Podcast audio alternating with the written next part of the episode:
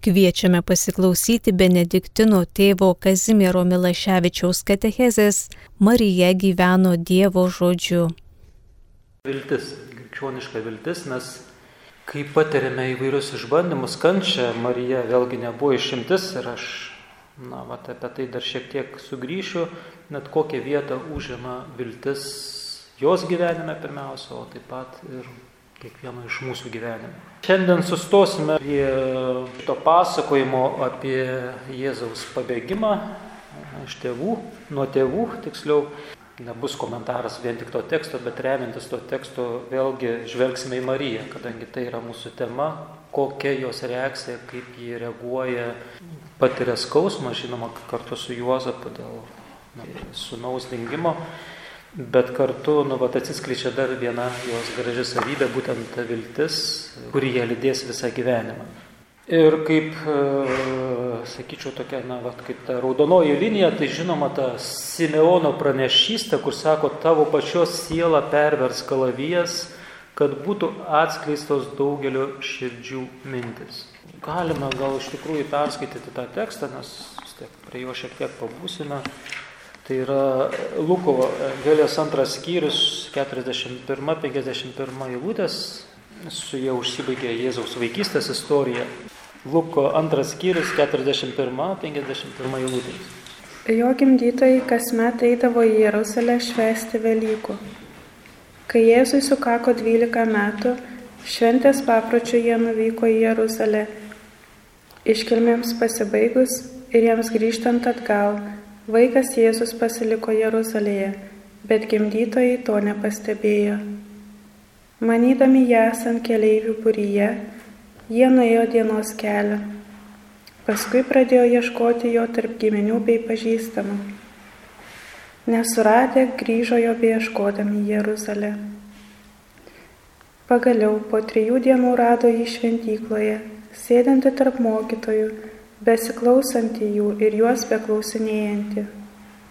Visi, kurie jį girdėjo, stebėjosi jo išmanimu ir atsakymais. Pamatę jį gimdytojai labai nustebo ir jo motina jam tarė. Vaikeli, ką mums tai padarėjai? Štai tavo tėvas ir aš susielvartu ieškome tavęs. O jis atsakė, kamgi manęs ieškojote? Argi nežinojote, kad man reikia būti savo tėvo reikaluose? Bet jie nesuprato jo žodžių. Jėzus iškeliavo su jais ir grįžo į Nazaretą. Jis buvo jiems klusnus. Jo motina laikė visus įvykius savo širdyje. Taigi kaip kasmet Marija ir Juozapas keliauja į Jeruzalę švęsti Velykų.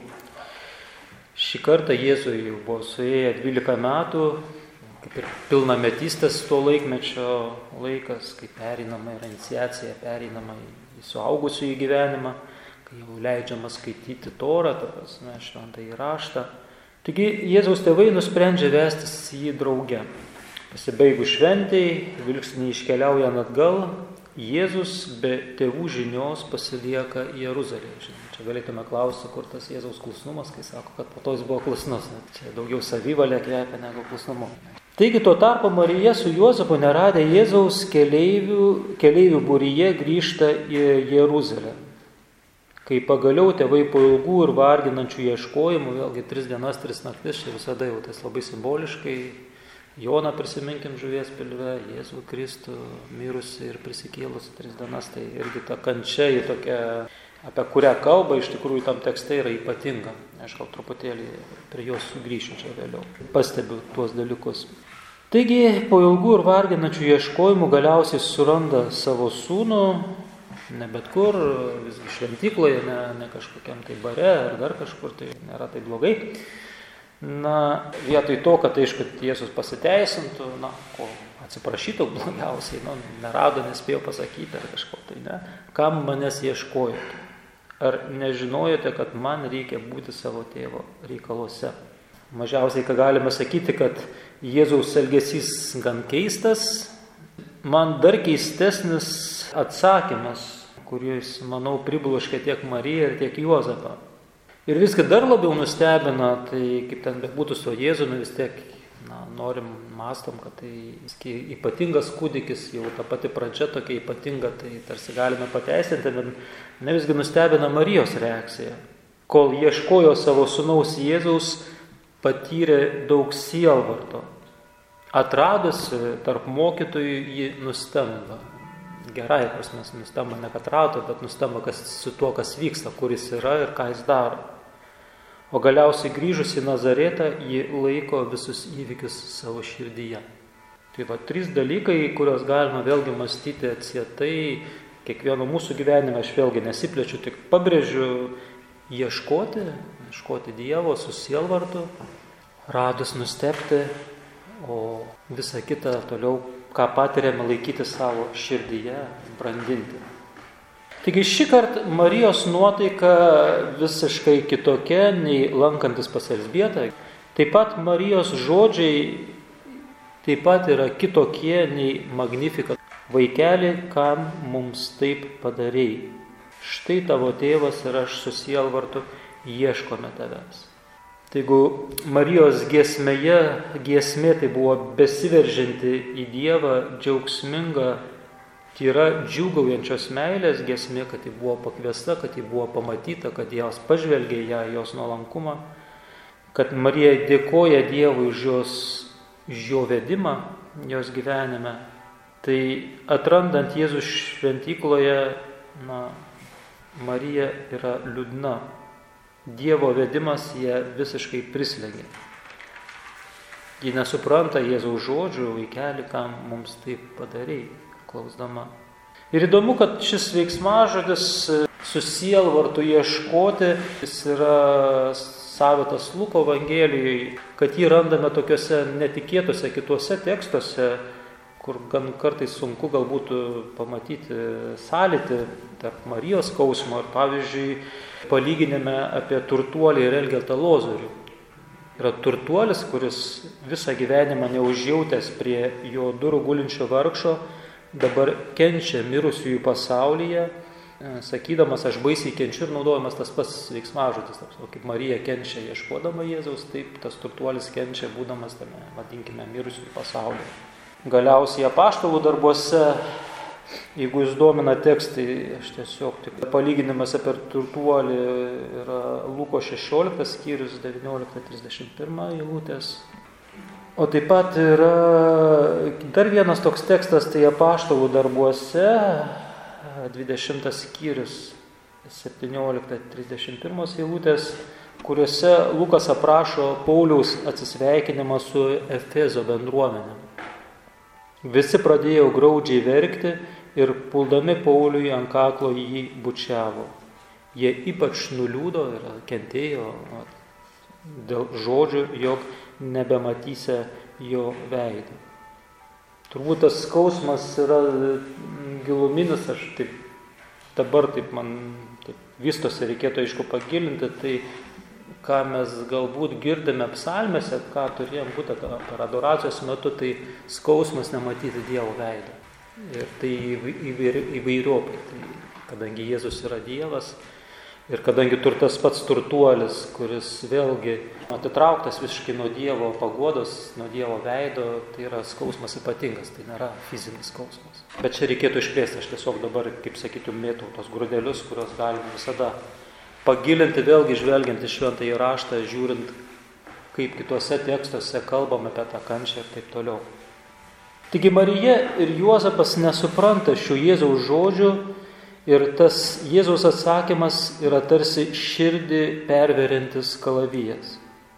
Marija, jau apie tai aš kalbėjau, nebuvo apsaugota nuo išmėginimų, niekas nebuvo išmėginamas labiau už ją. Ir Jėzaus elgesys bei žodžiai taip pat neperprantami ir šiuo, šią akimirką nesuprantami jos motiniškai širdžiai.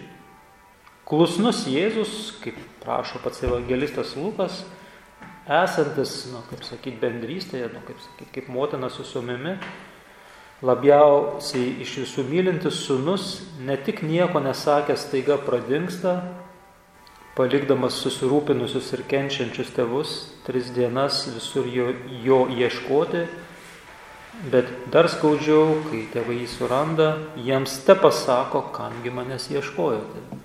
Argi nežinojote, kad man reikia būti savo tėvo reikaluose? Aišku, tas antras sakinys yra jau, jau nušviešintis daugą.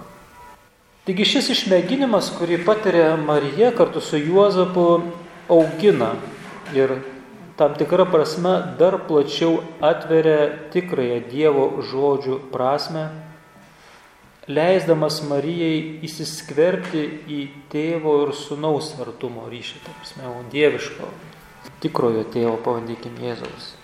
Kad yra dar kitas santykis, kuris Marijai lieka dar slėpinys. Tačiau du svarbus ženklai mums apreiškia didžiulį Marijos širdies atvirumą, ir tas atvirumas visada lieka kaip išsigelbimo ženklas, bei besąlygiškas šio slėpinio, slėpiningo Jėzaus jai ištarto žodžio prieimimą. Ir pirmas ženklas, manyčiau, ko mes turėtume mokytis, jog į tą netikėtą Jėzaus žodį, ką manęs ieškojate, Marija nieko neatsako. Įsivaizduokite, tėvai, kai neranda sunaus, turiu, va, galiu pasidalinti savo patirtimį. Trys metai buvo, ne, ne dvylika, trys metai, aš panevežėtis, žieduonė panevežėtė, žino, mes gyvenome ten netoli stadiono, toli nuo centro ir su tėvais, su mama aš tiksliau nesu tėvai. Nuėjome į centrą kažką apsipirkti, aišku, man buvo neįdomu ir aš vienas grįžau namo. Tai ten įsivaizduoti yra keli kilometrai iš centro grįžti vienam trimečiai. Milicijos nekėtė tuo, bet kai grįžo, rado mane savo ramiai ten sėdinti prie namų. Tai kas pirmas daiktas, tai aišku, iškašė kailį, be žodžių, nes tokia buvo įtampa ir tiek, tai po šią dieną prisimenu. Tai, tiksliau jie primena, aš primenu, kad buvo tai, bet normali mamos reakcija, sakyčiau, sveika. Tai šiuo atveju Marijos reakcija nelabai įdomi nieko nesako. Ji nesupranta Jėzaus atsakymo, bet priima jį tikėjimu. Nu vėlgi dedasi savo širdies skrynę, bandydama, kad reikia laiko suprasti, ką jis čia sako, apie ką jis kalba ir galbūt tas išriškės su laiku. Taigi pirmas ženklas ta tyla. Ir turbūt mums kartais, kai dalykai kažkokie neaiškus, kurių nesuprantam, kurie vyksta mūsų gyvenime, nepulti paniką kiek įmanoma, bet tiesiog, nu va, išbūti, iškentėti, išlaukti to iškumo vidinio. Kad tikrai ateitų ne iš mano emocijų sprendimas, bet tas giluminis, kurį gauname kaip dovana iš Dievo atsakymą. Ir antras, tai jau apie tai aš jums kalbėjau, tas ženklas, kurį randame jau pasakojimoje pabaigoje, kad Marija laiko tos įvykius savo širdyje. Taigi tyla ir laikymas širdyje. Taigi Marija yra išbandoma ne šiaip kokiais paprastais dalykais, bet kas gražu, kad ji kaip ir tikras Dievo žmogus išsižada savo žmogiško žvilgsnio, paaiškinimo, kam tokio racionalaus, paprasto, kad gyventų tikėjimu ir iš Dievo ateinančių suvokimu. Taigi išreiškia savo sielvartą, kam mums tai padarai, bet visiškai atsidavusi ir pasitik, pasitikinčia širdimi priima Jėzaus atsakymą. Priima netgi nesuprasdama. Marija nebūtų stovėjusi po savo sunaus kryžiumi, jeigu atrasdama Jėzų šventykloje dar nebūtų iki galo atidavusi savo proto ir širdies Dievo veikimui. Ta prasme, tas įvykis tarsi jau ją paruošia, ruošia, pavadinkim, kryžiaus išbandymui. Jei Jeruzalės šventykloje Marija dar klausė Jėzus, kam mums tai padarėjai, vaikeli, tai prie kryžiaus ji nieko nebesako. Jie jį neišsako jokio kodėl, už ką. Vienintelį prie kryžiaus nuskambėjusi kodėl ištarė Jėzus. Mano Dieve, mano Dieve, kodėl mane apleidai? Reikėtų pažvelgti visus e, Evangelijoje nuskambėjusius kodėl. Į Marijos kodėl Jėzui kodėl mums tai padarėjai. Po to išgirstame du Jėzaus kodėl. Pirmiausia, šventykloje, kodėl manęs ieškote ar ieškojate. Ir taip pat prieš mirštant ant kryžiaus, mano Dieve, kodėl mane apleidai. Šie kodėl lieka be atsakymų. Iš šios klausimus atsakyti gali tik pats Dievas. Ir patikėkit, kai ateina mama ar šeima, per pokalbį, aišku, su verksmais ir kurio sunus nusižudo ir klausia, kodėl, ką tu galėjai atsakyti. Ir taip patikėkit, kad tikrai yra nelengva. Nepaisant to, tai šį kodėl mes girdime nuolat e, psalmėse, kurias gėdam diena iš dienos, e, bent jau seseris, e, mes taip pat, kad prasme, kad tai yra žmogiškas klausimas, kad ir mes turime jį išrėkti netgi, ar išgėduoti, ar išmelsti, išsakyti Dievui. Kodėl Dieve, kodėl man, ką aš blogo padariau ir panašiai, ir panašiai. Už ką? Čia jeigu norite kelti jums citatų, iš psalmių žinoma čia pagrindė, kadangi yra tai, tai yra šmaldo šūksniai prašymo. Psalmė dešimta, pirmą eilutę, Kodėl viešpatie taip nuošaliai laikaisi? Kodėl slėpiesi, kai kenčiu nelaimę? Salme 43, antra, trečia eilutė. Kodėl tad mane palikai? Juk tu esi Dievas, tiksliau mano tvirtovė, kodėl mane palikai? Kamgi turiu vaikščioti nusiminęs, engiamas prieš? Ar Psalmė 88, čia rasi daug, aš čia tik keletą jums, 14-15 eilutės. O aš viešpatė šaukiuosi tavęs, kas rytą tavęs sveikina mano malda. O viešpatė, kodėl mane atstumi? Savo veido, kodėl slepi nuo manęs. Galbūt tą psalmę labai tiktų būtent įdėti Marijos lūpas, kai susitinka Jėzų šventykloje. Dažnai girdžiu nu, vat, su kuriais tenka bendrauti, kad oi, mes bijome čia įžeisti Dievą, mes jam bijom išsakyti savo skausmą, geriau mes patilėsim. Ta, ta, ta, ta, ta. Sakau, Dievas nemėgsta drungumų žmogų, mes turim teisę, kadangi jis yra mūsų tėvas, mes turim teisę išrėkti savo skausmą ir klausti, kodėl jis mumis nesirūpina. Na, žinoma, kad jis rūpinasi, mes nematom, nesuprantam, tai pirmas jų ir išsilaisvino dalykas - išsakyti, nu, išrėkti čia tai perdedu, bet kodėl ne? Prasme, kai yra visko per daug, tai yra per daug.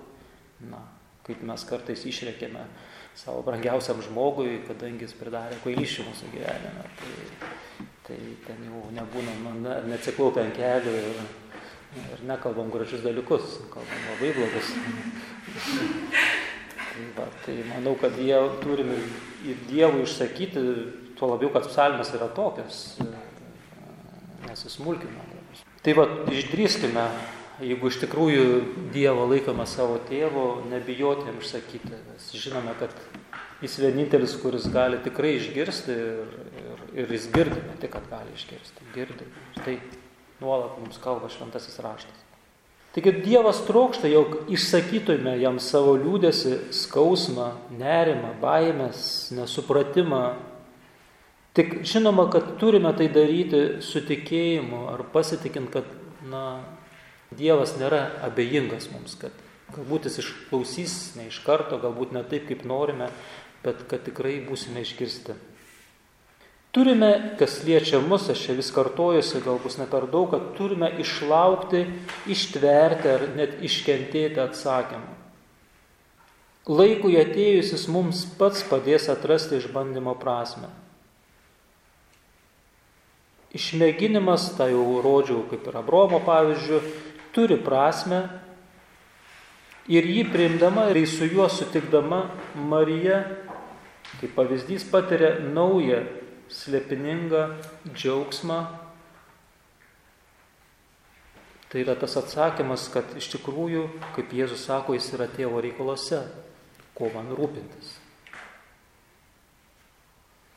Tai džiaugsmas kylantis iš žinojimo, kad Jėzus yra ten, kur turi būti, tai yra tėvo reikaluose ir vykdo tai, ko ir atėjo į šį pasaulį. Tai galbūt ir mūsų džiaugsmas, nors galime patirti didelius išbandymus ir kančią, suprasti, kad ta kančia yra prasminga, kad ji veda kažkur, kad tai, kaip sakyt, mes dalyvaujame tėvo reikaluose, būdami tame. Ne patys ieškodami kančios, nelysdami ten, kur nereikia, bet kai ją patirime, kai jie ateina, nuo jos nebėgame. Marija po 20 metų patirdama turbūt patį didžiausią gyvenimo išbandymą, tai yra kryžiaus išbandymą, prisimins Jėzaus sakytus žodžius. Argi nežinojote, kad man reikia būti savo tėvo reikaluose? Ir šie žodžiai ją palaikys. Jėzus yra ten, kur turi būti. Ant kryžiaus jis yra tėvo reikaluose. Jos žmogiškasis protas nepajėgus suprasti Jėzaus slėpinio, bet jos motiniška širdis išgrininta kančios ir laukimo, prie kryžiaus dar kartą ištars savo tylųjį šį kartą fiat, tai vyksta manyje tavo žodis. Svarbiausias dalykas, kurį turėjo Marija prie kryžiaus, buvo užkančia didesnis jos tikėjimas. Tikėjimas, kad kryžius yra ne pralaimėjimo, bet pergalės prieš mirtį ženklas. Ir tikėjimas, kaip ir visos darybės, yra tampriai susijęs su viltimi. Stovėdama prie Jėzaus kryžiaus, Marija dalyjosi su sunumi ne tik kančia ir mirtimi, bet ir prisikelimo viltimi. Jei remtumės vien tą gražią giesmę, stabat matą ir sukurta tiek daug kūrinių, nu, stovėjo motina, žinoma, prie, prie kryžiaus, yra sekvencija, kurią mes gėdame 15 rugsėjo per Sapulingosios Marijos šventę, kurioje Marija iš tiesų vaizduojama liūdinti, prisilekta, verkianti, tai neturėtume visą apimančio prie kryžiaus stovinčios Marijos paveikslo. Tai yra ta dalis kenčiačios Marijos. Jei Marija būtų tik liūdinti ir prislėgta, sunku būtų suprasti, kodėl apie ją stovinčią prie kryžiaus kalba Jonas, kuriam kryžius yra išaukštinimo bei pergalės simbolis. Ne mirties ir kančios, bet išaukštinimo ir pergalės, tai tarsi Jėzaus sostas, ant kurio jis atsisėda. Taigi stovėdama prie nukryžiuoto sunaus, ji yra ne tik sopulingoji, bet ir vilties motina. Marija panašiai kaip Senajame testamente Abromas, nematydama jokios vilties, patikėjo viltimi. Neturint jokios vilties patikėti viltimi čia yra, mano manimo, vienas iš didžiausių mūsų dvasinių pasiekimų būtų. Ir aš tą patarimą siūlau dažnai šeimoje, kai sakau, čia klasikinis variantas, kai vyras geria, geria ir geria, žmona gelbėja ir gelbėja, vis ir geria ir vis dar daugiau geria. Tai sakau, galbūt vietoj to gelbėjimo, ką mes galim padaryti, tai tą tikėjimo aktą už savo vyrą, kad jis gali vieną dieną pasikeisti. Aš tikiu, kad jis gali pasakyti, aš nieko nedarau galbūt šiuo atveju, nes mes nepadėsim, neįsim prieš žmogų valią, bet tikėti už jį, tai būtent yra tai tikėti neturint vilties. Nematant vilties patikėti viltimi. Ir čia galim perkelti dabar už seserį, kuri vėlgi, ar už brolių, kuri tu matai, kad jau nieko iš jo nebeišspausi, kaip sakyti, kaip jis eina savo kažkokiais dalykais, bet tikėti, kad jis gali pasikeisti, tai aš visada įvyksta stebuklai. Na ir čia įsidėkit kiekvieną į savo gyvenimus, į savo patirtis, patirtis su žmonėmis, kur matot, kad, nu, kas dar gero iš jo gali būti. Gero gali būti, kadangi yra Dievas. Tai, tai vienintelis atsakymas yra. Taigi Marija tikėjo, turėjo vilti, kad Dievas gali prikelti jos sūnų net iš mirusių. Turėti vilti besiremiančią Dievo pažadu žmogiškai beviltiškoje situacijoje, tai ir reiškia turėti viltį nematant jokios vilties. Turėti viltį besiremiančią Dievo pažadus, pažadas Dievo pažadas, mes nepačiapinėsim. Ir tai žmogiškai beviltiškoje situacijoje, kur nu, nėra išeities jokios žmogiškos. Tai reiškia turėti viltį, nematant jokios vilties. Kodėl viltis tokia svarbi Dievui? Kodėl jis prašo, kad mes nuolat juo pasitikėtume, juo viltumės. Nuolatos turėti viltį, nepaisant to, kad viskas sunkėja mūsų gyvenime ir kad ta tikrovė, kurią išgyvenimą vis paneigia kiekvieną lūkesti, prasme, kad kuo toliau to mes grimstam nu, į tą aklavietę kažkokią. Taigi nuolatos turėti viltį reiškia labiau tikėti Dievu negu faktų akivaizdumu.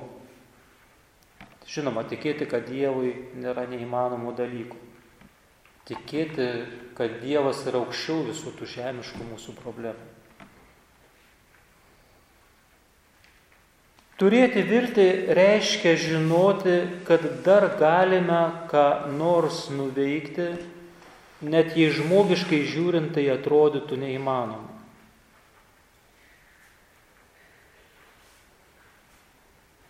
Ir galbūt tas nuveikti šiuo atveju laukti, kaip sakau, ištverti, iškentėti, tai nebūtinai daryti kažką tai ypatingo. Viltis Dievu sunkumuose reiškia pripažinti, kad jei nepaisant visko išbandymai tebesitėse, jų priežastis galbūt glūdi ne Dieve, kuris visgi yra begalinė meilė, bet mumise. O jei priežastis mumise, vadinasi, dar galime ką nors pakeisti, dar privalome ką nors nuveikti. Jei papuolame į sunkes, skausmingas situacijas, ar mūsų užgriūna gyvenimo sunkumai, turime džiaugtis dėl to, kad visada dar galime ką nors padaryti. Ar mes norime, tai čia kitas klausimas, bet kad galime, tai taip. Juk kai manome ar nusprendžiame, kad jau nieko negalime nuveikti, kai nebeturime net jėgų iškesti ar pakelti išbandymų, nesėkmių, kančios, tada rizikuojame nugrimsti į bejėgiškumo nevilties bedugnę ir aišku, kai prarandi viltį, kas iki belieka savižudybė. Iš tikrųjų, paskutinis būtų žodis, bet tai čia ne Dievo žodis yra. Tačiau darant, ką dar galime, mumise visuomet gimsta viltis kad viskas gali išeiti gerą, nes Dievas nepaliks manęs vieno, ateis man padėti ir viskas pagerės tada, kai mes patys pasikeisime, tai yra, kai pakeisime savo požiūrį, savo žvilgsnį į susidariusią situaciją. Ta prasme, į bet kokią situaciją mes visada galime žiūrėti arba pozityviai, arba negatyviai. Čia labai priklauso nuo žmogaus.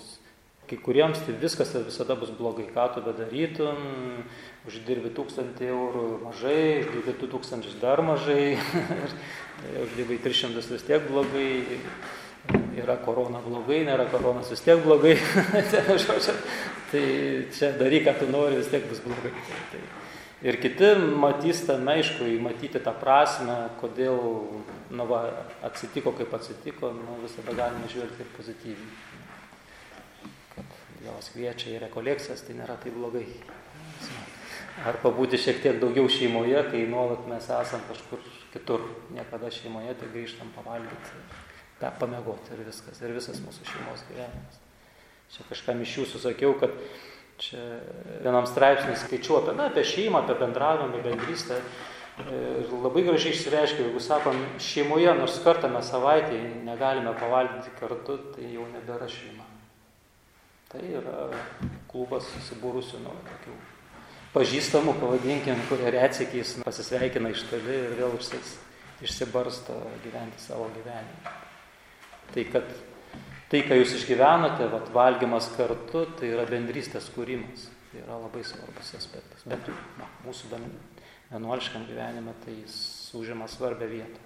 Kaip ir malda kartu, kaip ir kažkoks laikas kartu praleistas, džiaugiantis kažkuo, tai kažkokia šventė ir panašiai. Tai, tai kūrė bendrystę, tai mūsų suartina, tai leidžia pamatyti kitus visai iš kitokio rakurso, kai mes dažnai juos įrėminam arba saulioliam, arba ten uždedam radiukus, nes na, atsibosta, jo, jo, ten kažkokie dalykai, bet pamatai, kad jis gali būti ir kitoks žmogus. Taigi Dievas nepaliks manęs vieno, ateis man padėti ir visada pagerės tada, kai mes patys pasikeisime arba pakeisime savo požiūrį, žvilgsnį į susidariusią situaciją. Stengsime galbūt daugiau dirbti ar melstis, būti klusnesni, nulankesni, labiau pasikliaujantis Dievu ir taip toliau. Štai ką rašo jau, jau mano minėtas Danų filosofas Kirkegardas apie krikščionišką viltį. Jis yra protestantas, jo mintis tikrai vertos dėmesio. Čia cituoju. Kol žmogus turi užduočių, kol turi siekių, jis nėra paliktas be vilties. Taigi, jei man tektų sunkiausias iš žmogui bet kada tekusių likimų ir jei absoliučiai nieko nebūtų galima padaryti, džiaugčiausi turys vieną užduotį visą kantriai pakelti.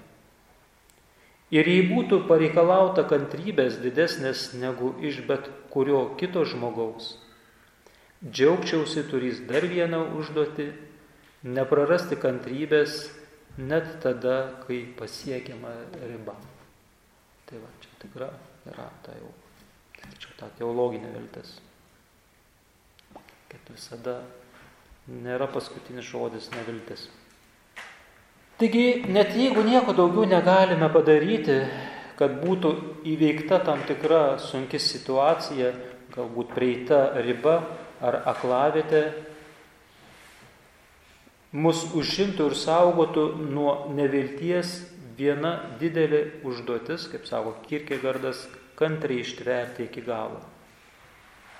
Tokia buvo Marijos didžioji užduotis kurią ji įvykdė iki galo, išsaugodama viltį prie kryžiaus.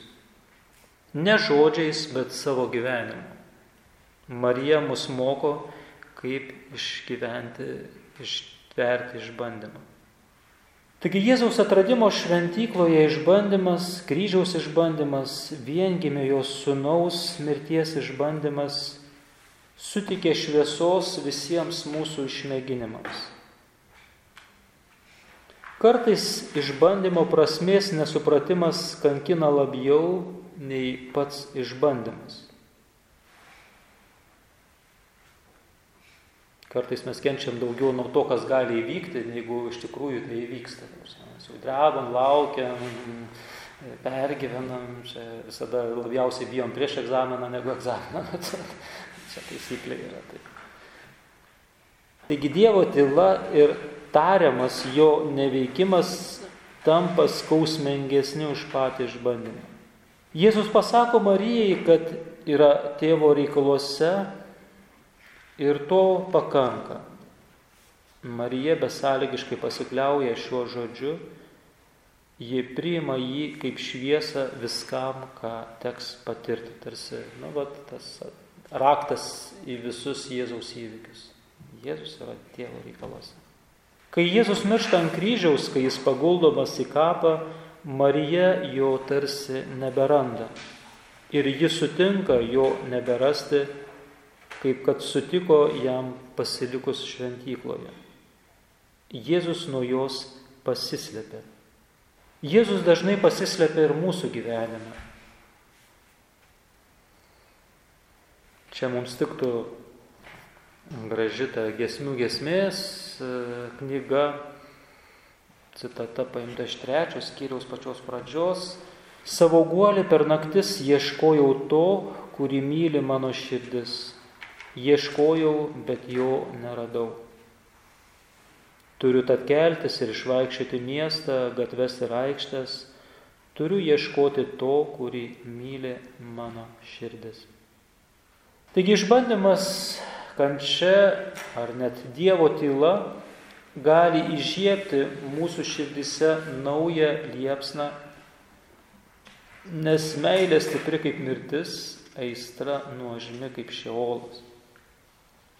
Jos kaitra kaip ugnies kaitra, nenumaldoma liepsne, čia taip pat iš giesmių gesmės tekstas, kuris skaitome dažnai irgi liturgijoje. Aštuntas skyrius gesmių gesmės šešta eilutė. Taigi šią dieną, kuri rezumuoja tarsi ir mūsų rekolekcijų laiką, atneškime Dievo akivaizdon galbūt šventų Euharistijos metu visus savo išbandymus, peržvelkime juos kartu su Marija. Išsakykime Dievui savuosius, kodėl, kodėl mums tai padarėjai Tačiau ištarkime juos su tokiu pat širdies nuolankumu ir neturtu, kaip tai padarė Marija. Kai tikėjimu priimsime nesuprantamą Dievo vėdimą, Jėzus apreikš mums kryžiaus slegiančio širdį, skonį, paslėptą prasme. Dažniausiai priimame tai ir pritarėme tam, ką suprantame. O Marija, kaip jau minėjau, priima nesuprasdama, garbinančią ir iš anksto Dievui atiduotą širdimi. Ir kaip tik todėl, kad Marija viską priima besąlygiškai, dar nesupratusi, ji atsiveria naujai šviesai ir patiria slepeningą džiaugsmą, ne pasaulį suprantamą, bet gilų iš kryžiaus trykštantį džiaugsmą. Girdėjome Benediktino tėvo Kazimiero Milaševičiaus katechezę Marija gyveno Dievo žodžiu.